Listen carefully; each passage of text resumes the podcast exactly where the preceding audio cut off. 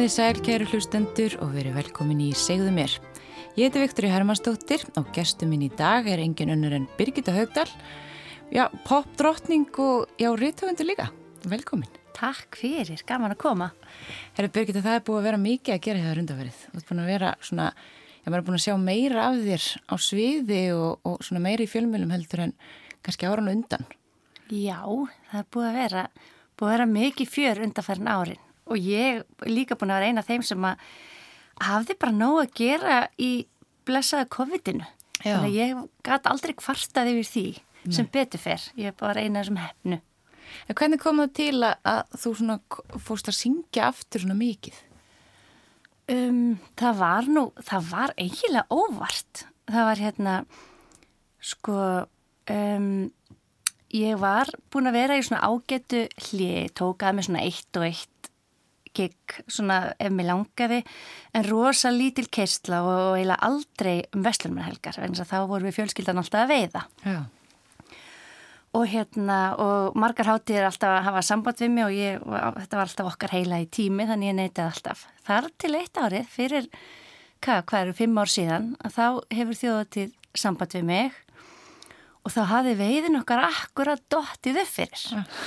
Þannig við vorum ekki að fara að veiða og þá segi ég við manni minn, eigum við ekki bara að skella okkur tvö, bara hérna hafa gaman og og hérna kem fram þarna á þjóðatíð og þá var eiginlega bara ekkert aftur snúið. Þetta var svo brjálæðislega gaman.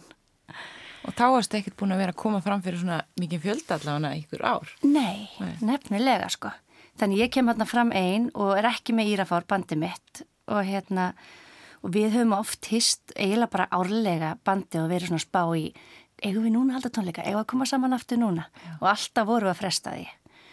Nefna eftir þjóðatíð þarna þá ringi ég í strákan og segi strákar, þeir verðið að upplifa þetta með mér. Ég má ekki vera svo eina í bandinu sem fekk að upplifa þetta. Þannig að ári síðar þá höldum við stórtónleika í Eldborg.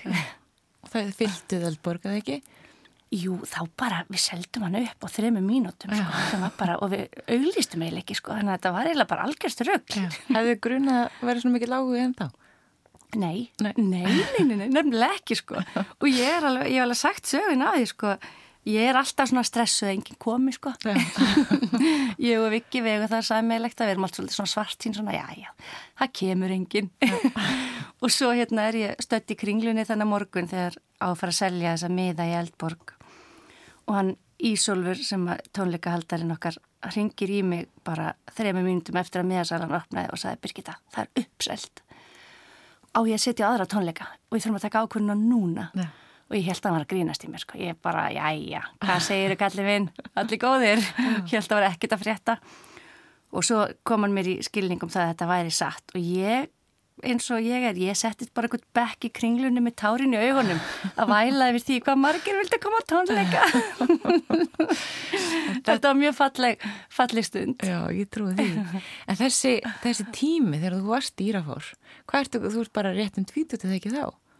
Jú, ég er rétt rúmlega tvítug og hérna og þetta er rétt fyrir þetta er svona 99 sem að ég byrja í bandinu og við erum bæði bandið og ég að spila og gera rosalega mikið alveg til 2007 Já.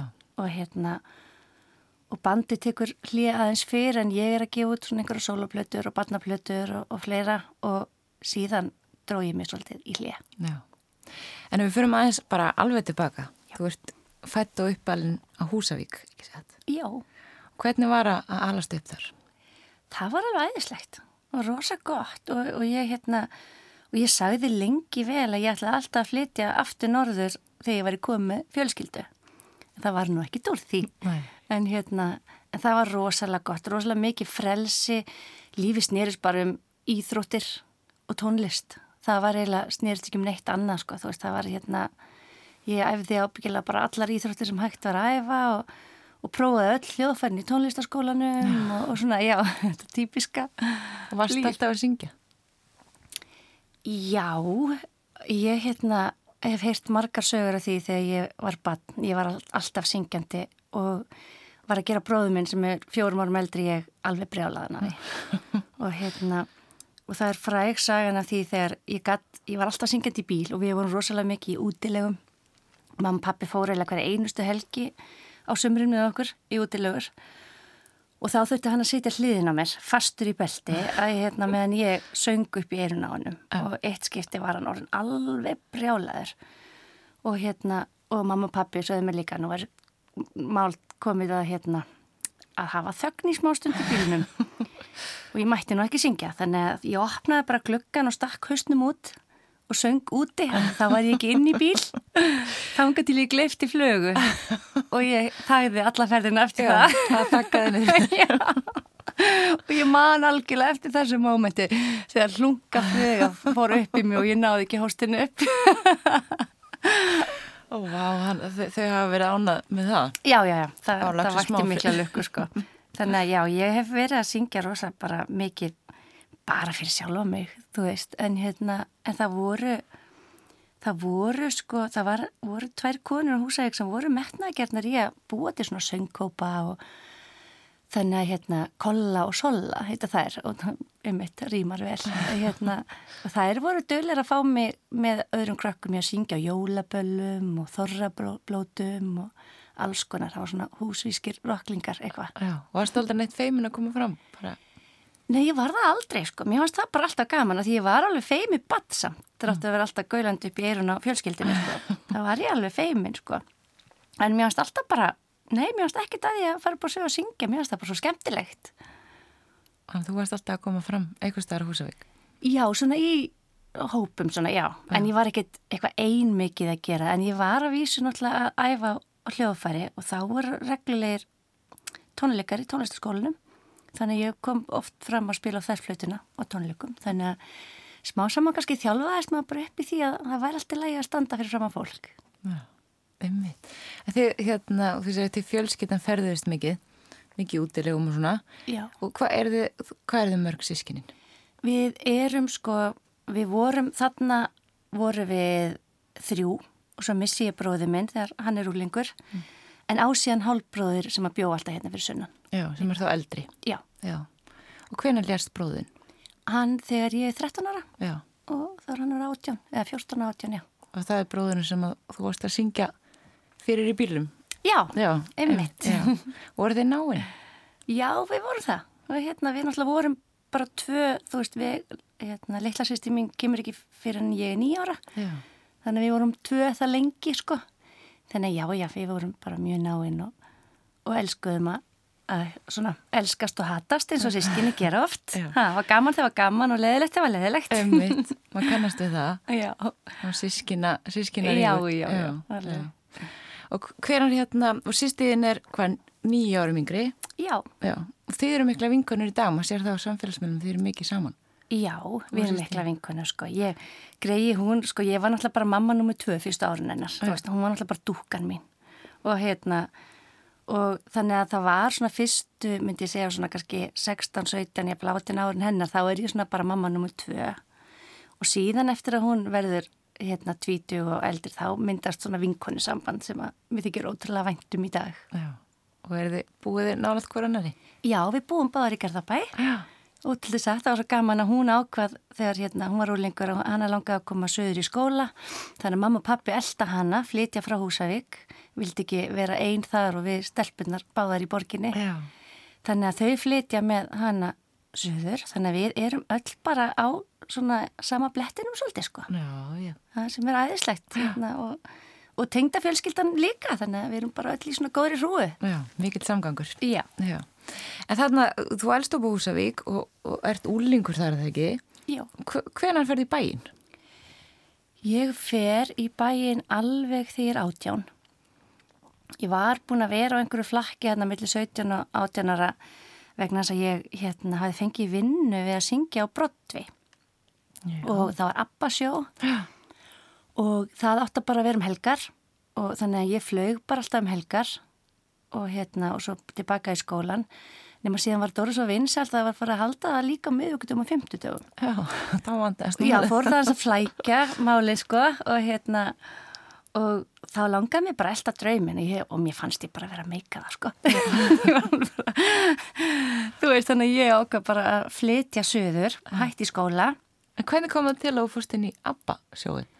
Það kom þannig til, þetta er svona kannski laung saga, ég hef oft sagt svona stittri útgáfan að því en hérna ég er í borginni því ég svona 15 ára. Þá er ég að passa fyrir sýstu mömmu út á kjalanissi, eitt sömarið og hérna og sé auglýsingu í mokkanum sem að stó stjörnur morgudagsins á brotvi Já.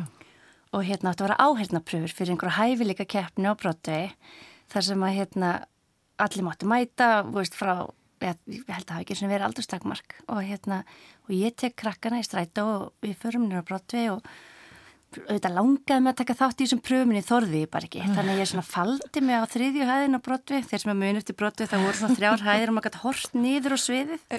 Og hérna var bara þar með krakkan og horða á alla hérna í pröfunum. Og það voru allir miklu eldri en ég í þessum pröfum.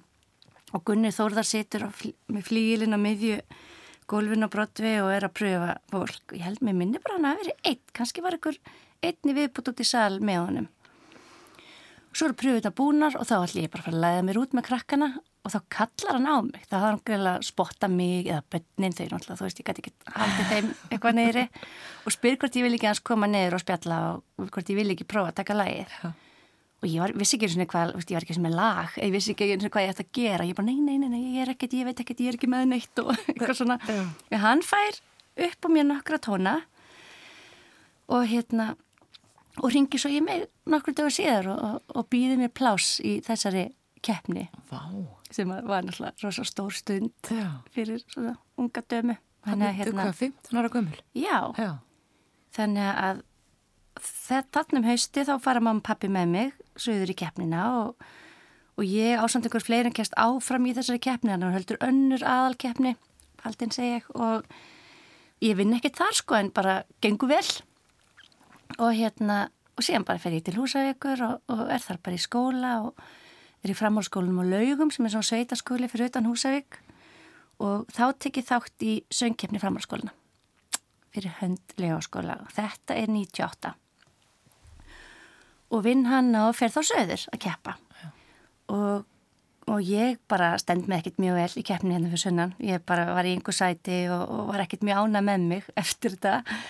En fekk samt símringingu frá Gunnari Þórðarsinni eftir þessa keppni sem að beði mér að hérna vinna í Abasjónu þannig að ég, þess að ég sagt við alla mína svona söngnemendur og þá sem ég þekki sem að elska að syngja eða elska tónlist, bara taktu þátt í öllu. Verður bara dögulega að koma fram. Þú þarft ekki að vinna, Nei. tækifærin og æfingin eru í ferlinu. Já, hann er, eftir þið bara þarna. Já, þannig að þarna sá hann mig aftur og myndi eftir Já. mér. Og þó ég hef ekki verið fyrsta eða fymta eða jáfnvel ekki tíundarsæti þá sá hann samt eitthvað sem hann hugsaði, já, já, við getum gert eitthvað með þessari. Já og þannig ertu þá bara í, í framhaldinu verður bara að koma fram kvöld eftir kvöld eftir kvöld á Brodvei Já, svolítið Já, og með hvernig varst í þessar síningu? Það er mjög gaman sko hérna Erna Þórarensdóttir eina bakgrutum Íslands hún var með mér í þessu og, og hérna Hulda Gestóttir Kristján Gíslason Júravísum fari Já. og Jónsi var með sér líka í, hérna, í svörstu fötum Já. þannig að það var og, og hérna Erna var svo þekktastæja af okkur þarna sko. Já. Þannig að við vorum öll bara svona að byrja. Þannig að, en ótrúlega sagt, það var bara gerðust góður hlutir fyrir flesta í þessum hóp, Já. í tónlistinni sko. Já, það svíkur abba engan. Nei, þetta var bara greinlega frábær æfing og, og góða þjálfunabúðir. Og og svo eftir abbasjóið, hvað gerst þá? Ég er í abbasjónu þegar strákarnir í Írafóri er að leita sér söngkonu og hérna, og þeir fá ábyndigu um stúlku sem sé í þessu sjói sem þeir ætti að fara að kíkja á. Og var umbóðskristofa sem að bendi þeim á mig. Þannig að þeir koma og, og, og horfa á sjóið og, og hafa svo samband um mig og spyrja hvort ég vilji prófa að kíkja á æfingu með þeim sem ég gerði. Og hérna og þeir rétta með svona stóra möppu með öllu lögun sem þeir, þeir voru búin að vera bandi í, ég veit ekki, tvö ári eða eitthvað undan sko búin að spila hér og þar. Mm.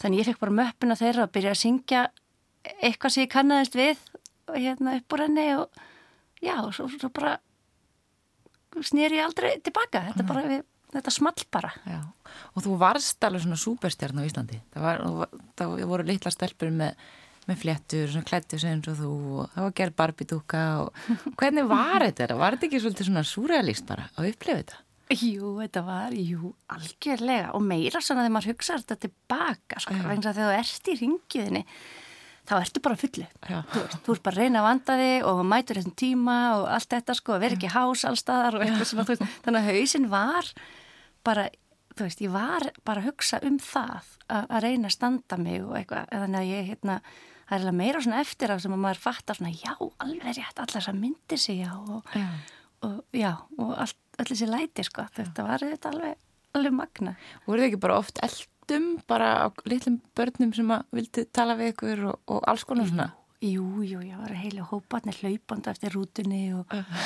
og bankandi heima og, og eldandi mann hér og þar sko, jú, þetta var alveg ógísla þetta var ótrúlega fyndið. Já, svo þetta er líka svona breyttir tímar og þessum tíma sko að því að tæknir er svo mikil í dag og það er svo miklu auðveldar að koma svo framfæri og allt þetta en þarna, ef hljómsveit varð vinsæl þá varð hún rosalega vinsæl og var svona Já. stór og mikið og þetta var svo mikið í kringum þetta.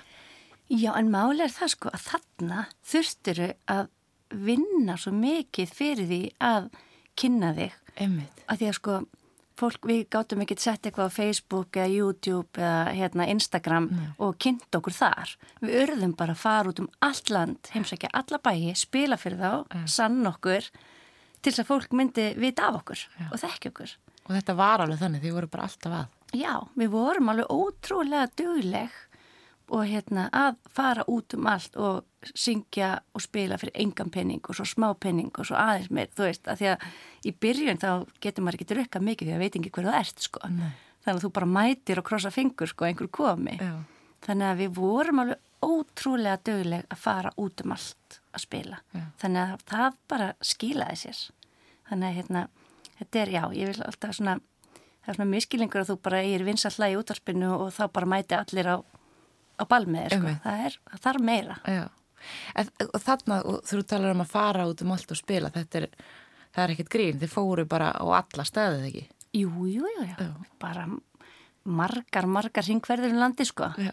og hérna, og spilum og pínu litlum pöpum eða reysastórum sam, hérna, samkomi húsum, sko, þú veist, og hérna og stundum var alveg tróðið og, og mörgundrum manns og, og stundum voru bara 30 og þú þetta var bara allir skalinn sko. Þetta voru þessi sveitaböll sem að kannski er ekkert svo mikið í dag. Já. Já. Og hvernig var þessi heimur? Hann var bara ótrúlega skemmtilegur sko, þetta var alltaf ótrúlega gaman sko, maður saknaði þess að sjá, þú veist, þetta er svona kannski öllítið að breytast í dag en, en það er svo gaman þegar þú veist að að spila og syngja fyrir og líka bara mæta á stað þar sem þú ert að dansa allan tíman og syngja með. Þú situr ekki við eitthvað borð og drekkur í marga klukkutíma eða þú veist, eða það er svo mikið læti að þú ert að reyna að spjall lengstur út í einhver hotni, þú veist, það mættu allir til að dansa og syngja Já. og það er svo geggjað og hérna, og það var svo sérmyrandi við þessi sveitaböl, sko. Einmitt. Þetta voru lungböl þau voru oft mjög lung sko. Já. sérstaklega hér í borginni. Þú veist, Gaukur og Stöng sem var náttúrulega svona einn af hérna, vinsálustu stöðunum hér sem böndin voru, veist, það var lifandi tónlist bara öll kvöld.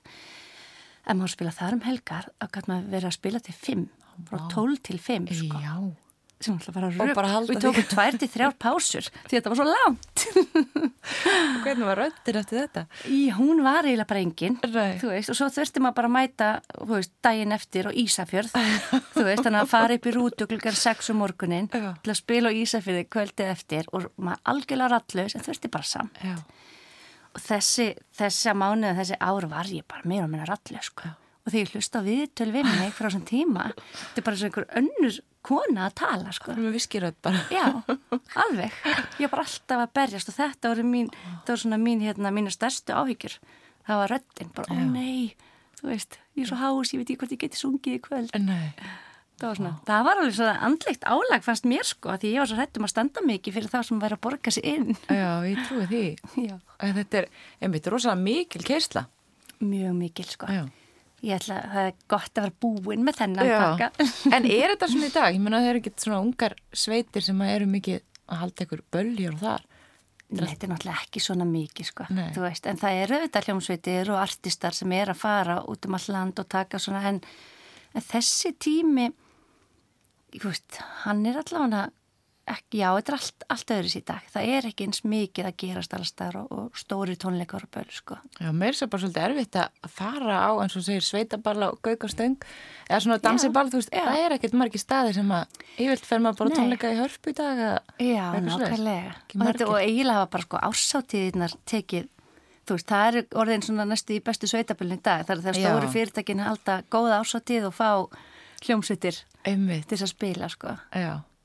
En þarna úr þessu, úr Írafár, þetta þróast náttúrulega og, og, og þið fara að spila meira og meira og allt þetta og svo ferðu svolítið svona sóló og fara að syngja meira einn. Já, við ákveðum, við gefum út þrjárplötur saman og ákveðum svo bara að nú sé bara góðu tími til að bara hlje. Allir glaðir og bara, allir bara þreyttir held ég og tilbúinir Ég að bara trúi taka pásu, já, þannig að hérna, og við draugum okkur í hlje og sögðum bara, svo sjáum við bara til, þú veist, og hérna, og eins og segi, hittumst eiginlega árlega til þess að aðtöða hvort við ættum að hendi eitthvað, Já.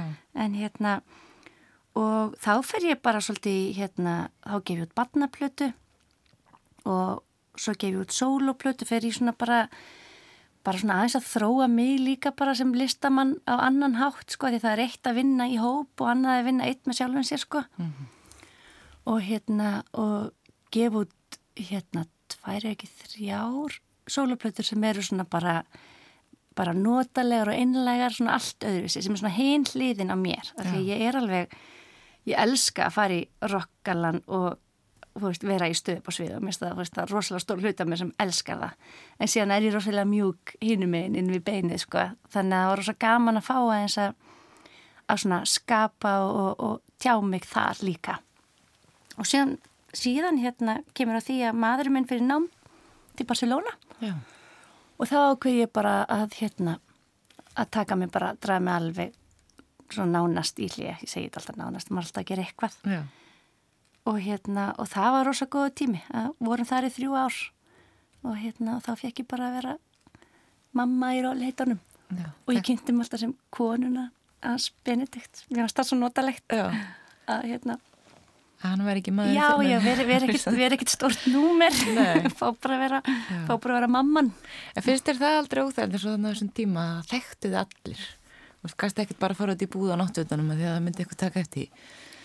sko, mér fannst það aldrei óþægilegt, nei, nei, þú veist, maður gerir bara grína því og hérna, og þú veist, ég bara, auðvitað var alls konar óþægindi og eitthvað, en maður gati ekkert kvartað yfir því, sko, Nei. og hérna, þannig að reyni og ég, hérna, en það var vissulega gott að fara úr því, veist, þá kannski fattaði maður hvað var, hvað var mikið kvíld að vera ekki á Íslandi. Já, svona ákveði frelsi Já, það var eiginlega meira þannig að maður sá það þegar maður var komin í burtu. Já. Og þarna úti, hvernig, hva, hvað voru þið að gera þar? Maðurinn minn var í viðskiptanámi og hérna og ég fyrir út, við erum með hérna tveggjara dreng þá og ég er bara svona að koma okkur fyrir, finna skóla fyrir hann, leikskóla og eitthvað og, og er líka að flakka, við erum að taka upp hérna ávastakörfu þætti. Þannig ég er á flakkinu svolítið á milli Íslands og Barcelona þarna. Og ég er líka að vinna í sólaplötu þannig ég er líka að flakka á milli í því. Þannig að fyrsta ári fyrir svona ég að flakka og koma okkur fyrir. Og hann fylgdi mér bara litli vikingur sko þannig að hann var bara með mér í öllum tökum og þú veist þannig að hérna að hendaði bara vel Já. og annað árið þá er, er við bara búin að koma okkur fyrir og þá fer ég algjörlega að teka mig bara algjört hlið frá Íslandi og þá fer ég í spænskunam í háskólanum og er það, er þar, sagt, þá er námi mitt í raun og veru til eitt á daginn og strákur minn var í leikskóla svolítið út ég þurfti að vera, sagt, það tók mig eiginlega einn og hálfan tíma að sækja. Já. Þannig að ég var í skólan til eitt og fyrst svo í hátir og læri og svo kom ég tími til að sækja hann sko. þannig að dagarnir voru svona alveg í hálft ár ár Já. og hérna og síðan svo síðan hérna minka ég námið og, og fyrir ég að skrifa bækur Já, og byrjar þarna, sita kaffihúsum hér og þar í Barcelona að- skrifa já, það hefur aldrei svona vaksið síðan þá. Já, Það er komin okkur marga bækur. það eru mér langar að segja átján ég voni að segja rétt. Er, ég er allan mjög nált í. Já, það eru hérna, barnabækur um, um Hanna Láru og, og Ljónsa. Já, þar sem að hérna, að í öllum þessu ferðum til Íslands, þegar ég var að flakka á milli, þá fór ég alltaf í bókabúð að hérna, finna bækur fyrir viking því ég vildi passa upp á íslenskunans og hérna og þá, á þeim tíma, þá var bara ekkit mikið af íslensku barnabókum fyrir þann aldur og hérna, og hann vildi miklu frekar ég segði þessi sögur heldur en að ég læsi fyrir hann bækur. Og mér fannst það svo skrítið því mér fannst ég ekkit góð sögukonna og pappi ringdi alltaf í hann á kvöldin og Skype og, og hérna var ofta að lesa fyrir hann líka. Og hann vildi alltaf freka á afasögur. Og hérna, og smá saman fór ég að hugsa betur ég, ég ætti bara að prófa að skrifa hérna fullkomnu bók fyrir hann. Þú veist, og hérna og að ég var bara að skrifa bók eins og sögurna sem ég var að segja sem voru bara sögur daglegu lífi. Já. bara sögur til að kenna undibúan fyrir eitthvað kennunum á eitthvað. Og hann var í vilt söguhetjan sem hann, hann var snáttúrulega ekki en hérna þannig byrjaði þetta eiginlega. Þannig ég hugsaði bara ég ætla að prófa, ég ætla að skrifa hérna tvær barnabækur og þú veist sjáum svo bara hvað gerist. Ef að bönni mín, þú veist, bönni mitt elskar svona sögur að hljóta fleiri bönn að gera það líka. Já.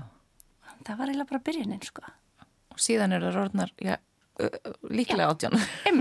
Já, átján með já. sko, það er nefnilega með tvær tónlistabækur. Það er jólatónlistabók og, og, og svo hérna krakkalög. Og svo eru tvær svona fyrir yngstu bendibækur. Þannig að það eru fjórstán stóru sögubækunar Já. Og hvernig finnst þér að vera komin í þetta? Verður hún bara rítöfundur?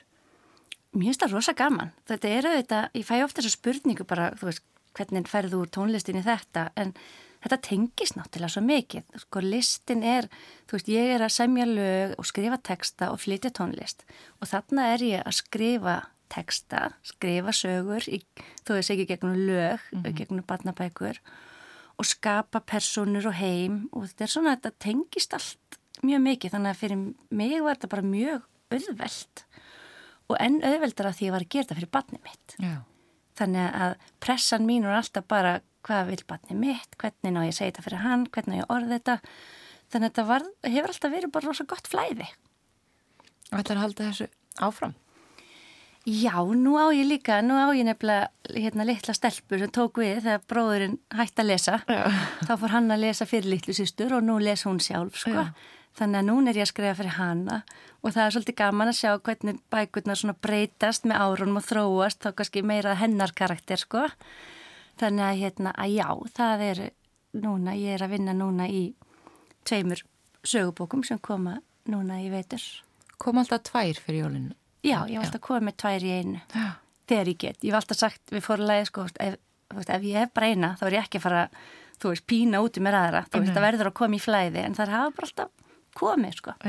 Þannig að núna í vetur koma hérna Lára heldur Rekkjavöku, það er nú bara því að stelpa mín er með svo mikið búningablæti sko, hún er rosalegur karakter sko og svo hérna Lára fyrir í útilegu það sem við elskum að vera í útilegum eins og svo margir ja, íslendingar einmitt. Og eru þið mikið saman fjölskyttan á flakkinu? Já, við erum það við, ja. hérna, við veiðum mikið saman og svo hefur við hérna, oft lekt okkur húsbíl og og flakkaði landi bæði í tjaldi eða hótelum og erum líka mikið á Húsavík. Já. Þannig að já, við erum og hérna, gerum mikið saman og veist gott að þetta eru bestu stundirnar sko. Já. Ertu orðin bara Birgitta svona fjölskyldu konan í dag? Já, ég fúst ekki orðin, ég er bara búin að vera það sko alla mína tíð fyrir utan auðvitað úlingsár og, og þeim að rungur eins og allir sko, Já. en hérna ég hef alltaf verið rosa mikil fjölskyldu kona, mér finnst alltaf bestu stundirna sko, en ég myndi aldrei vilja missa hínarliðina að fá að vera pínu vittlisingur og hafa gaman sko, Þa, það er nöðsilegt að leika við batni í sér líka sko. Já, en þú tekur þetta líka svolítið svona alla leið þegar þú ert að koma fram, maður sér þú ert alveg með, þú ert með rosalega búninga og, og, og svona, þetta eru mjög, mjög flottir búningar, miklir, þú ert að koma fram svona á tónleikum. Já, takk fyrir. Mér finnst það svo gaman. Mér er svo gaman að hérna, það er bara ég. Ég er bara, þú veist, ef, þegar Írafár var og ef það hefði verið til hérna, internet svona þá og það sem maður geta, hefði getað panta sér hitt og þetta og saumað eitthvað, þá hefði ég eflaust gert þetta fyrr. Já.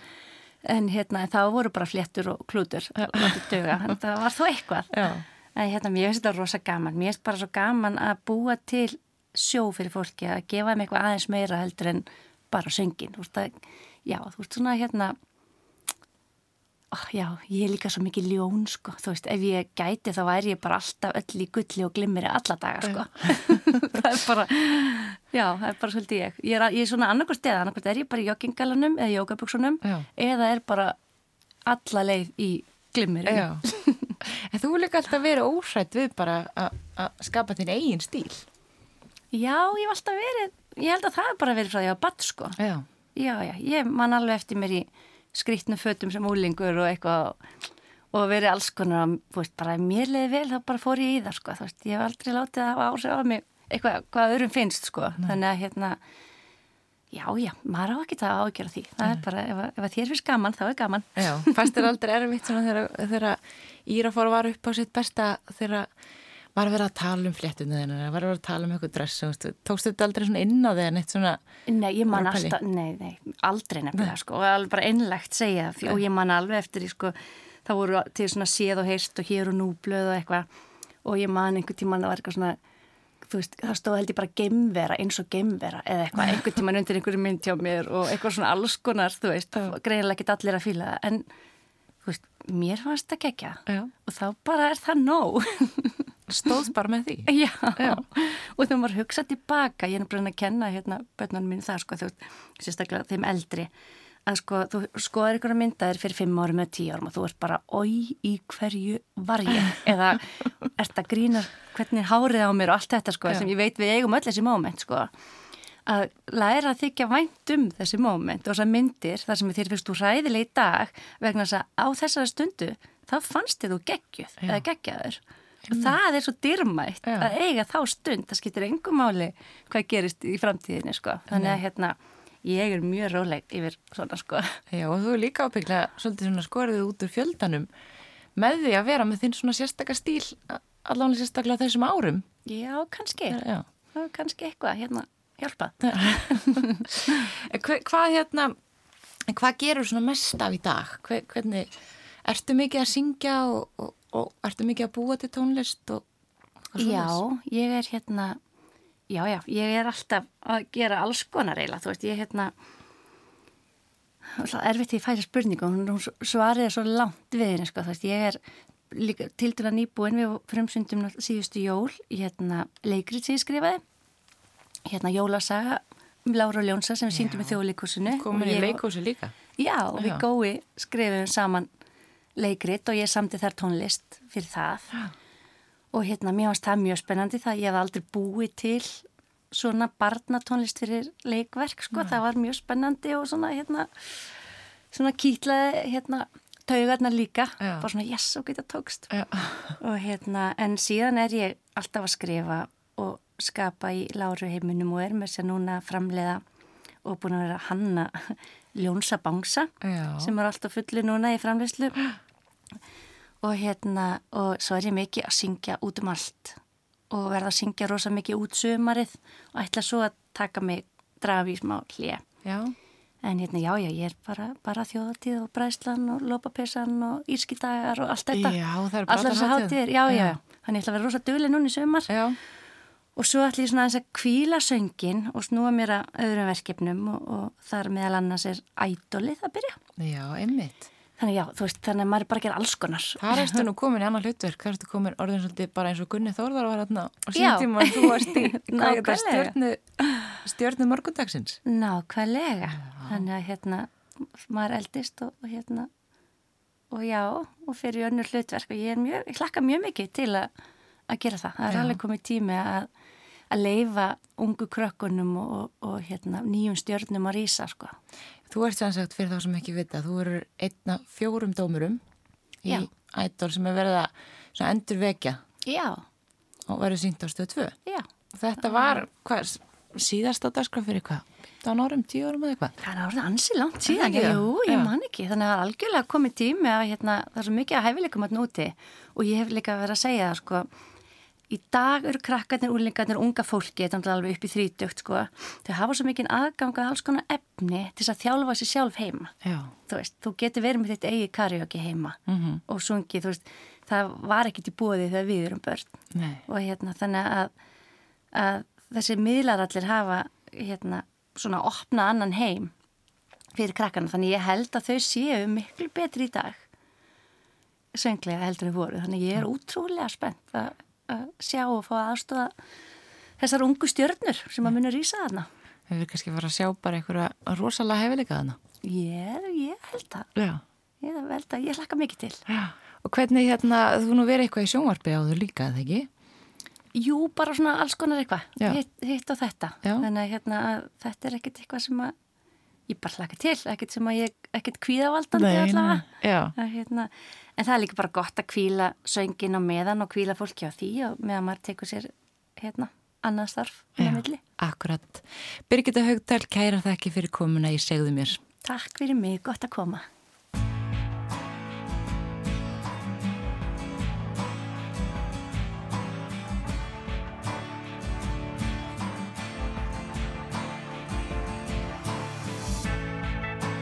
Fjársjúður falinn